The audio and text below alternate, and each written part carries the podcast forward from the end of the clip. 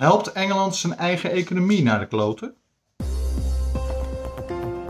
Social politics, leftist opinions, and populist expression. A nice walk through nature with podcaster Bastian Tournant. This is Podcast The Morning Walk.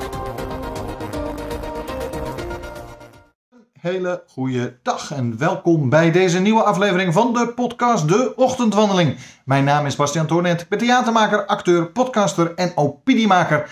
En anders dan anders zit ik weer vanuit mijn eigen huis de podcast te maken. Ik heb wel uh, voor de mensen die video kijken beelden gemaakt van mijn ochtendwandeling vanochtend. Alleen de audio werkte niet helemaal mee. Dus daarom zit ik weer in mijn eigen huiskamer en ga ik het weer met u hebben over diverse politieke en of maatschappelijke onderwerpen. U kunt deze podcast natuurlijk terugvinden op Spotify, Apple Podcast, Google Podcast en diverse andere podcastplatformen. En tevens kunt u natuurlijk uh, de video's van deze podcast terugvinden op mijn YouTube kanalen of natuurlijk op mijn Facebook fanpage. En wilt u nou meer informatie over mij of over de diverse podcasts die ik maak? Kijk dan even op mijn website en dat is www.torenent.nl. Goed, ik heb een vraag binnengekregen, of twee vragen eigenlijk. Twee mensen die kwamen hiermee. Uh, Michiel uit Eindhoven die kwam ermee met: uh, Vind je ook niet dat de Engelsen momenteel uh, hun economie helemaal naar de kloten helpen?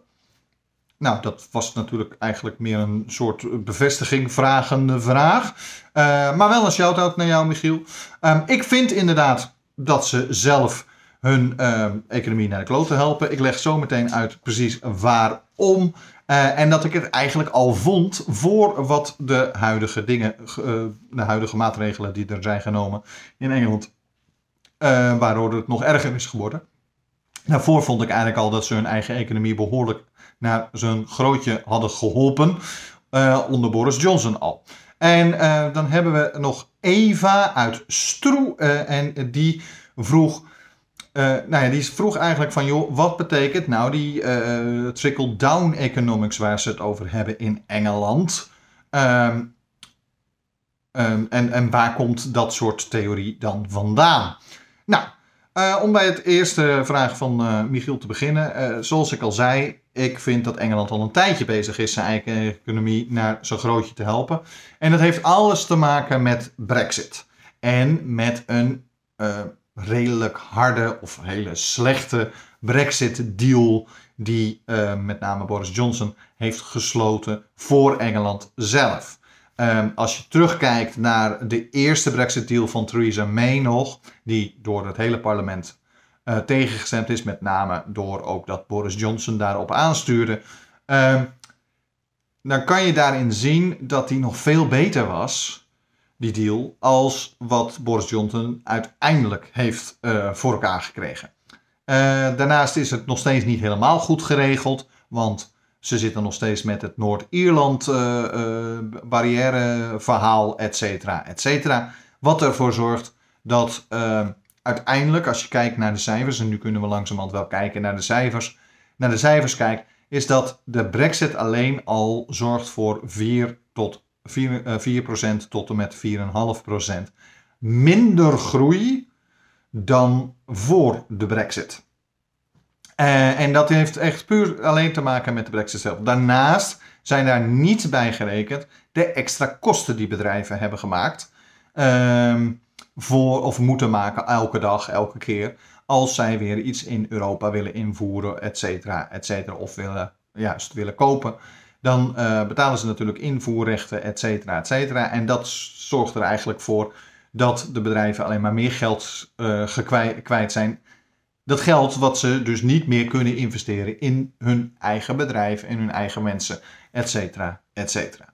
Dus voor, voor de huidige regering met Liz Trust uh, vond ik al dat, Liz Truss moet ik zeggen, uh, van vind ik dat, dat Engeland al slecht bezig was. Uh, de eigen economie uh, liep voor gemeten, werd vooral heel veel bezuinigd. Bijvoorbeeld NHS heeft heel veel bezuinigingen gehad, ondanks dat Boris Johnson had beloofd dat de alle miljoenen die ze zouden besparen met de brexit en zelf te besteden hadden met de brexit, dat ze die zouden investeren in bijvoorbeeld de gezondheidszorg die ze daar hebben. Maar dat hebben ze gewoon niet, niet gedaan. Bovendien, het geld wat zogenaamd terug zou komen, de zoveel miljard, die is helemaal nooit teruggekomen, omdat dat gewoon gebaseerd was op een fabeltje. Nou, oké. Boris Johnson heb ik al vaak genoeg uh, behandeld. En, en, ook de dingen die daar in de Brexit eigenlijk ook. Het is alleen wat je nu ziet bij Engeland. Het is natuurlijk aan alle kanten duidelijk dat, we, dat een exit al helemaal geen goed idee is. Als je kijkt naar hoe het nu in Engeland verloopt. Waarom liep de economie ook slecht? nou ja, de Brexit heeft ervoor gezorgd natuurlijk dat uh, de meer invoerrechten dingen langer duren en daardoor uh, de, de tekorten uh, die we ook in, in de rest van Europa hebben, dus dat de schappen wat meer leeg zijn dan anders, um, die tekorten zijn in Engeland nog veel erger. En waarom zijn die veel erger? Om het simpele feit dat ze daar niet meer zomaar gebruik kunnen maken van allemaal uh, chauffeurs van um, Poolse of uh, Georgische, uh, et cetera, et cetera, uh, origine. Engeland ha had heel veel Polen en dergelijke in dienst om dat soort werk te doen. Dus met name de trucks die heen en weer reden om de goederen aan en af te voeren. Um, nou, mm, ze wilden heel graag hun eigen grens bepalen. Ze wilden heel graag de vrijheid van verkeer tegengaan. Nou, ze hebben het gelijk gemerkt. Eén, te weinig uh, uh, immigranten of met gezegd andere Europese mensen die voor hun nog willen werken. Want ja, het is een hoop gedoe om een werkvisa nu te krijgen via in Engeland. Twee, ehm, ze hebben ook nog het nadeel dat bijvoorbeeld ze zelf niet zo makkelijk weer Frankrijk inkomt. Want alles moet gecontroleerd worden. Dus ze staan bij Calais enorme lange rijen. Ze kunnen het niet aan. En de Fransen, heel eerlijk, terecht, vertikken het om nog veel meer mensen in te gaan zetten. Want zij hebben niet last van die rijen. En dit was toch hetgene wat de Engelsen wilden. Dus uh, misschien uh, een beetje een naaistreek van Frankrijk. Maar aan de andere kant is het natuurlijk wel te begrijpen. Dit zijn de gevolgen van Brexit. Dat zorgt er allemaal voor dat de economie slechter wordt, dat er te grote tekorten zijn aan goederen, et cetera. En dat de inflatie alleen maar meer is gaan stijgen en stijgen. Producten door schaarste ook alleen maar uh, duurder en duurder zijn geworden. Um, en nou ja, wij hebben hier in Europa en in Nederland bijvoorbeeld ook um, momenten dat de inflatie echt verschrikkelijk hoog is. Van de week was het, of vorige week was het geloof ik een moment zelfs 17 procent.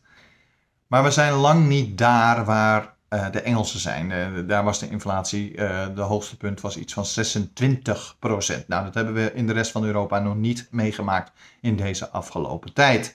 Hoe slecht de inflatie nu ook is, en die inflatie komt natuurlijk gedeeld door de energiecrisis, door Poetins oorlog, et cetera, et cetera, en door de tekorten. Maar in Engeland is het nog veel erger. daar hebben ze ook een energiecrisis. Nou, daar hebben ze nu ook een energieprijskap uh, aangegeven. En dan komen we dus bij de nieuwe regering.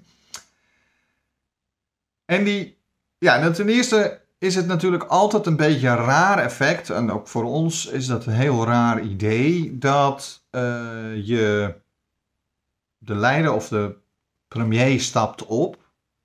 Uh, er is geen vertrouwen meer in hem. En dan wordt er een nieuwe leider voor de conservatieve partij, de Tory-partij, gekozen. En die wordt dan automatisch premier. Dat is ergens raar. In Nederland zou dat als de premier in principe opstapt, uh, dan zou waarschijnlijk het kabinet vallen. En als het kabinet valt, ja, dan is het heel simpel. Dan komen er nieuwe verkiezingen. Ja, of het moet toevallig na drie maanden van een. Uh, hoe heet het zijn, van een, na een formatie zijn, dan is er nog een kans dat de partijen nog iets proberen om toch door te gaan. Maar doorgaans, als de premier valt, valt het kabinet en daardoor valt, worden er nieuwe verkiezingen gehouden. In Engeland is dat niet zo. In Engeland is het zo dat, nou ja, uh, eens in de vier jaar wordt er gekozen. Vier jaar geleden is, uh, hoe heet het, gekozen. Uh, hoe heet het, Boris Johnson gekozen. Die heeft toen versneld verkiezingen uitgeschreven. Die heeft toen een meerderheid gekregen. Ehm, een meerderheid van ruim 71 punten meer dan, dan, dan Labour. Nou, Labour lag toen ook op zijn gat. En nou moet ik heel eerlijk zeggen, ik ben niet fan van de Labour-partij. Ik bedoel, er zitten vaak rare mensen daar. Uh, en, en een hoop gedoe intern in die partij. Maar goed, dat is een ander verhaal. Het gaat er even om. De Tories hebben twee jaar geleden uh, de verkiezingen gewonnen. En nu wordt dus de nieuwe leider van de Tory-partij automatisch de nieuwe premier. Um, ook al is de vorige premier van de Tory-partij uh, opgestapt. En nogal door schandalen. Uh, die regering heeft ook nogal schandalen aan zijn broek hangen. En toch blijft de Tory. Nou, zo is de Tories al twaalf jaar aan de macht gebleven. En heel eerlijk, Labour heeft er gewoon geen goede tegengeluid aan ge, uh, gebracht. Uh, misschien is het nu anders. Misschien gaat Keir Starmer, waar ik ook geen fan van ben, toch de boel omdraaien. Keir Starmer ben ik meer fan van als dat ik van Liz Truss fan ben. Um, en vooral van de Chancellor, Chan, nou kan ik zijn naam niet meer onthouden. Uh, die man die uh, uh, Listras helpt, de Chancellor, ehm, ja, die, die hebben een idee over e economie. Die is hopeloos ouderwets. Ehm, om de uh, hoe heet het, energiecap te kunnen betalen, moeten ze lenen. En dat is logisch. Um, nou is de schuld door, mede van Engeland met, mede door uh, Boris Johnson nogal hoog. En het is ergens ook logisch, want het komt naar de, uh, de hoe heet het, coronacrisis. dus bijna alle landen hebben wat hogere schulden gekregen, ook Nederland, omdat er gewoon veel geld uitgegeven is in uh, die tijd. Maar je moet niet vergeten dat de Tory-partij uh, de uh, hoe heet het, coronacrisis heel slecht heeft gedaan. Meer dan 200.000 doden in Engeland, waarvan heel veel doden eigenlijk niet nodig waren. Het was gewoon omdat Boris Johnson te laat was, het niet serieus genoeg nam, et cetera, et cetera. Um, wat heeft uh, Liz Truss uh, uh, nu gedaan? Die heeft in principe een energiecap voorgesteld. Nou, op zich is dat logisch. Maar tegelijkertijd heeft ze het over een, hoe heet het, een, een, een belastingteruggave of een verlaging voor de allerhoogste schaal.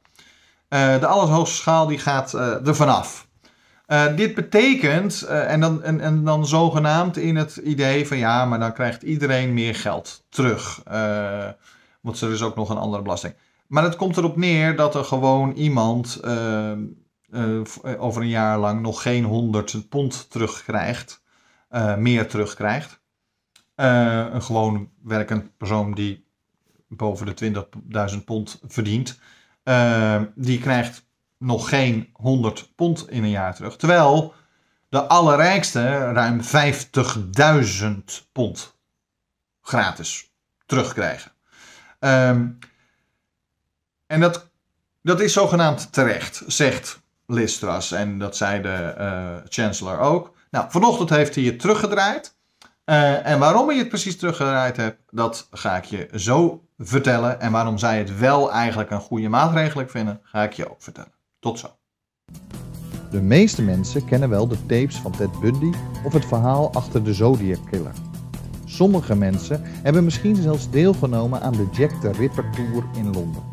Maar wist u dat Nederland en België ook diverse opzienbare moorden en seriemoordenaars heeft gekend? In de podcast Moordverhalen vertel ik, Bastiaan Tornert, u het verhaal achter deze moorden. Ik neem u mee in de zoektocht naar de motieven van de daders en omschrijf hoe het politieonderzoek uiteindelijk tot een veroordeling leidde. Abonneer u nu alvast op de podcast Moordverhalen via Spotify, Apple Podcast en andere bekende podcastplatformen.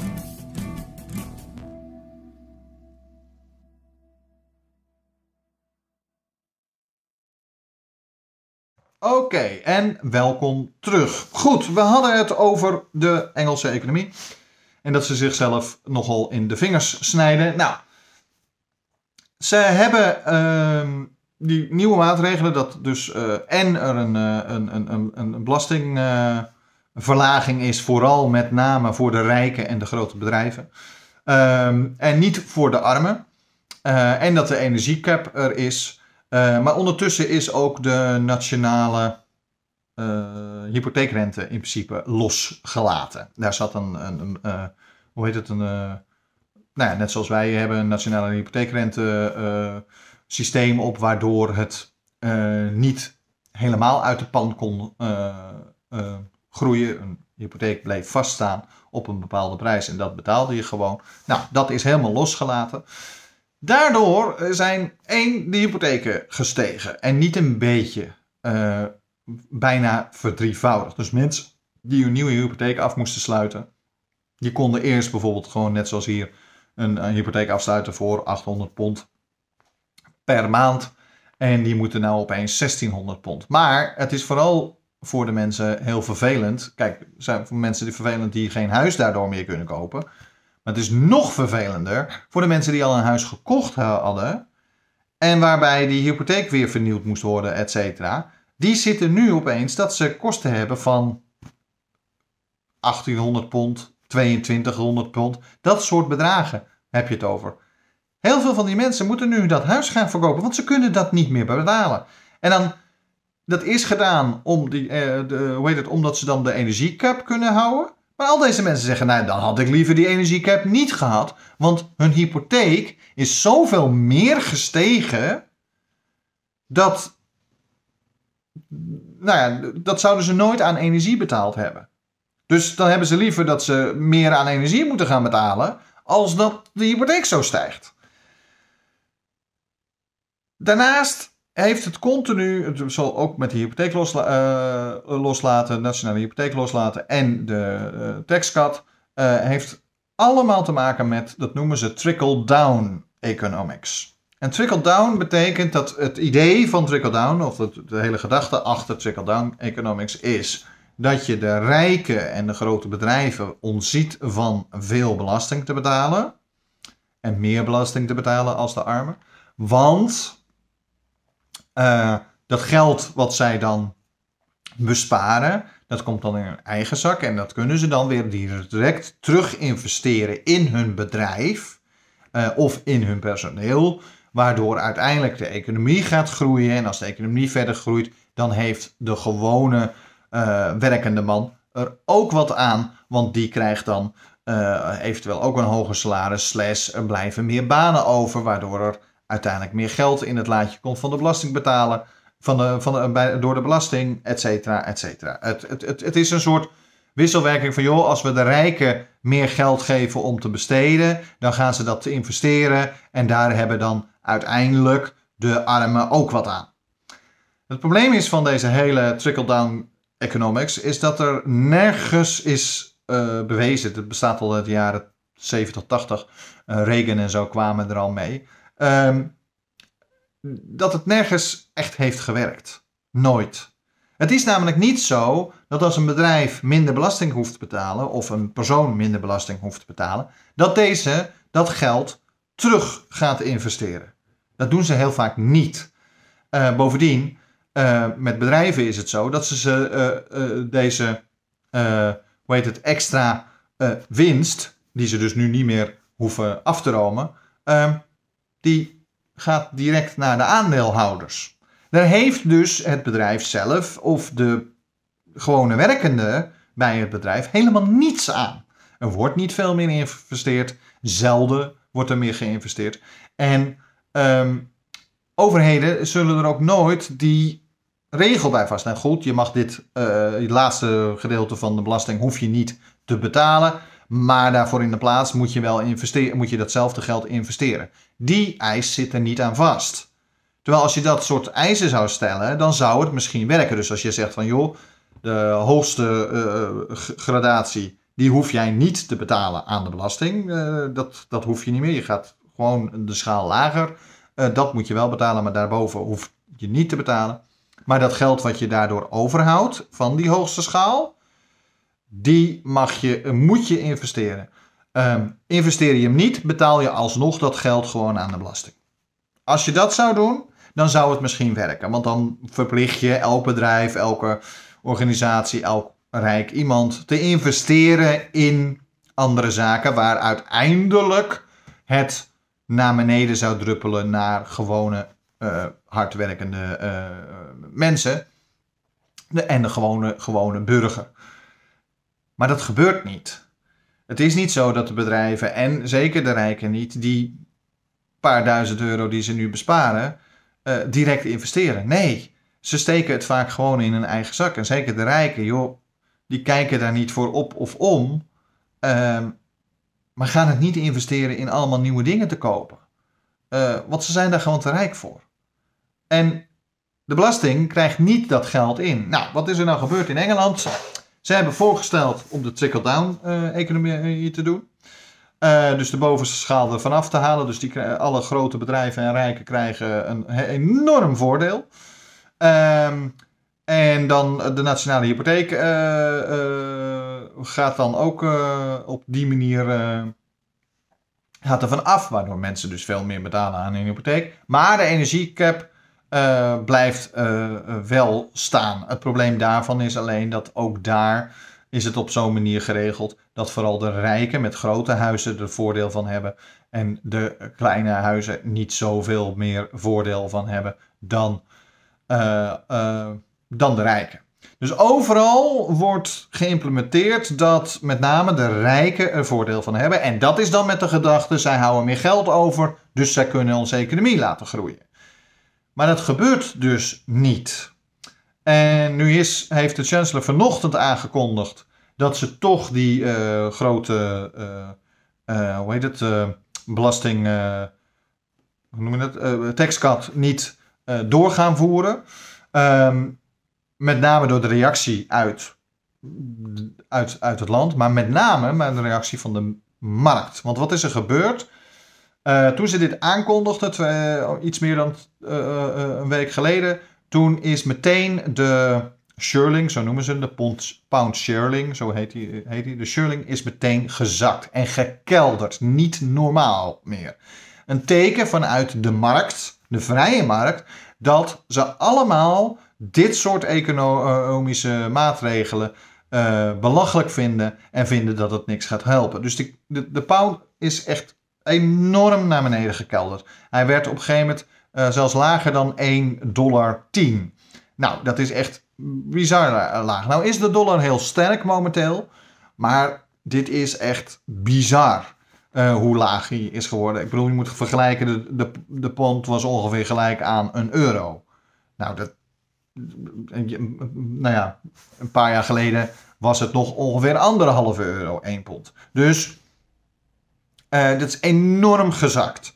Uh, de euro is ook iets gezakt ten opzichte van de dollar, omdat de dollar momenteel zo sterk is. Maar niet dusdanig als de pond. De pond is echt huge gezakt. En zeker vanaf die vrijdagmiddag.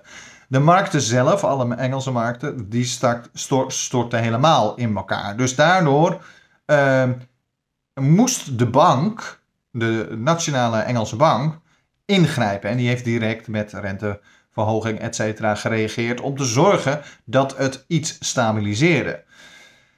Ja, dat was natuurlijk hetgene wat Listras en zo niet hadden verwacht. Uh, en daardoor trekken ze nu toch uh, nog deze maandagochtend toch nog de, uh, tax, de, de, de, de belastingverlaging in. Dat wil niet zeggen dat uh, de andere regels niet ingetrokken worden. Dus het betekent nog steeds dat de hypotheken zijn gestegen. Het betekent nog steeds dat de pond nog steeds uh, heel slecht is. En ja, het terughelpen, kijken of ze het verder de zakken en, en, en het misschien weer om opwaarderen tegen kunnen gaan. Ja, is maar de vraag of dat gaat helpen. Het stomste van dit hele gedoe is, is dat Liz Truss, de nieuwe premier, elke keer gezegd heeft: ja, maar dit is eerlijk. Ja, nee, maar dit is eerlijk. Maar trickle-down economics is nooit eerlijk. Want waarom zouden de allerrijkste, de aller, allerrijkste en de grootste bedrijven het meeste voordeel krijgen, terwijl zij het minste last hebben van bijvoorbeeld de energieverhoging? Of van een slechte economie. Zij hebben er minder last van als een gewone hardwerkende burger. Het gaat er een beetje van uit dat arm zijn een keuze is. En daar hebben we het wel, heb ik het wel eens vaker over gehad. Arm zijn is geen keuze. Dat komt door alle loonmatigingen die er altijd maar doorgevoerd zijn. Ook in Engeland, in heel Europa. Altijd maar doen alsof iemand die minder verdient, dat het aan hem ligt. Maar dat ligt niet aan hem.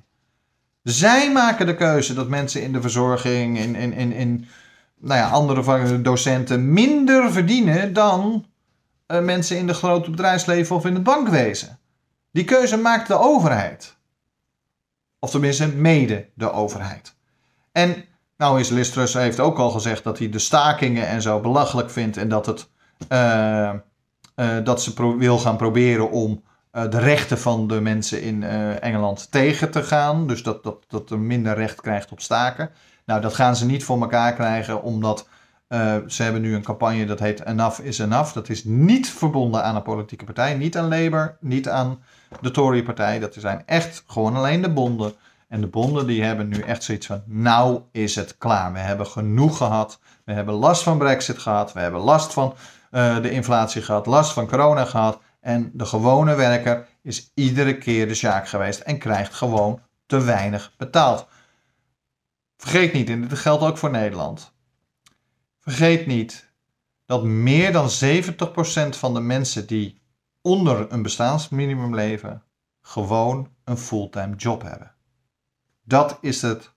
Uh, nee, dat is gewoon een hard feit. En in Nederland is het gelukkig iets minder erg als in Engeland. Maar in Nederland moet er ook wat aan gedaan worden. Maar in Engeland is het momenteel alleen maar erger en erger gaan worden. En een grote kans is nu dat bijvoorbeeld Schotland en Noord-Ierland toch eieren voor hun geld gaan kiezen. Want het gevoel voor volledig afscheiden van Engeland wordt met de dag groter in deze twee regio's van de uh, United Kingdom.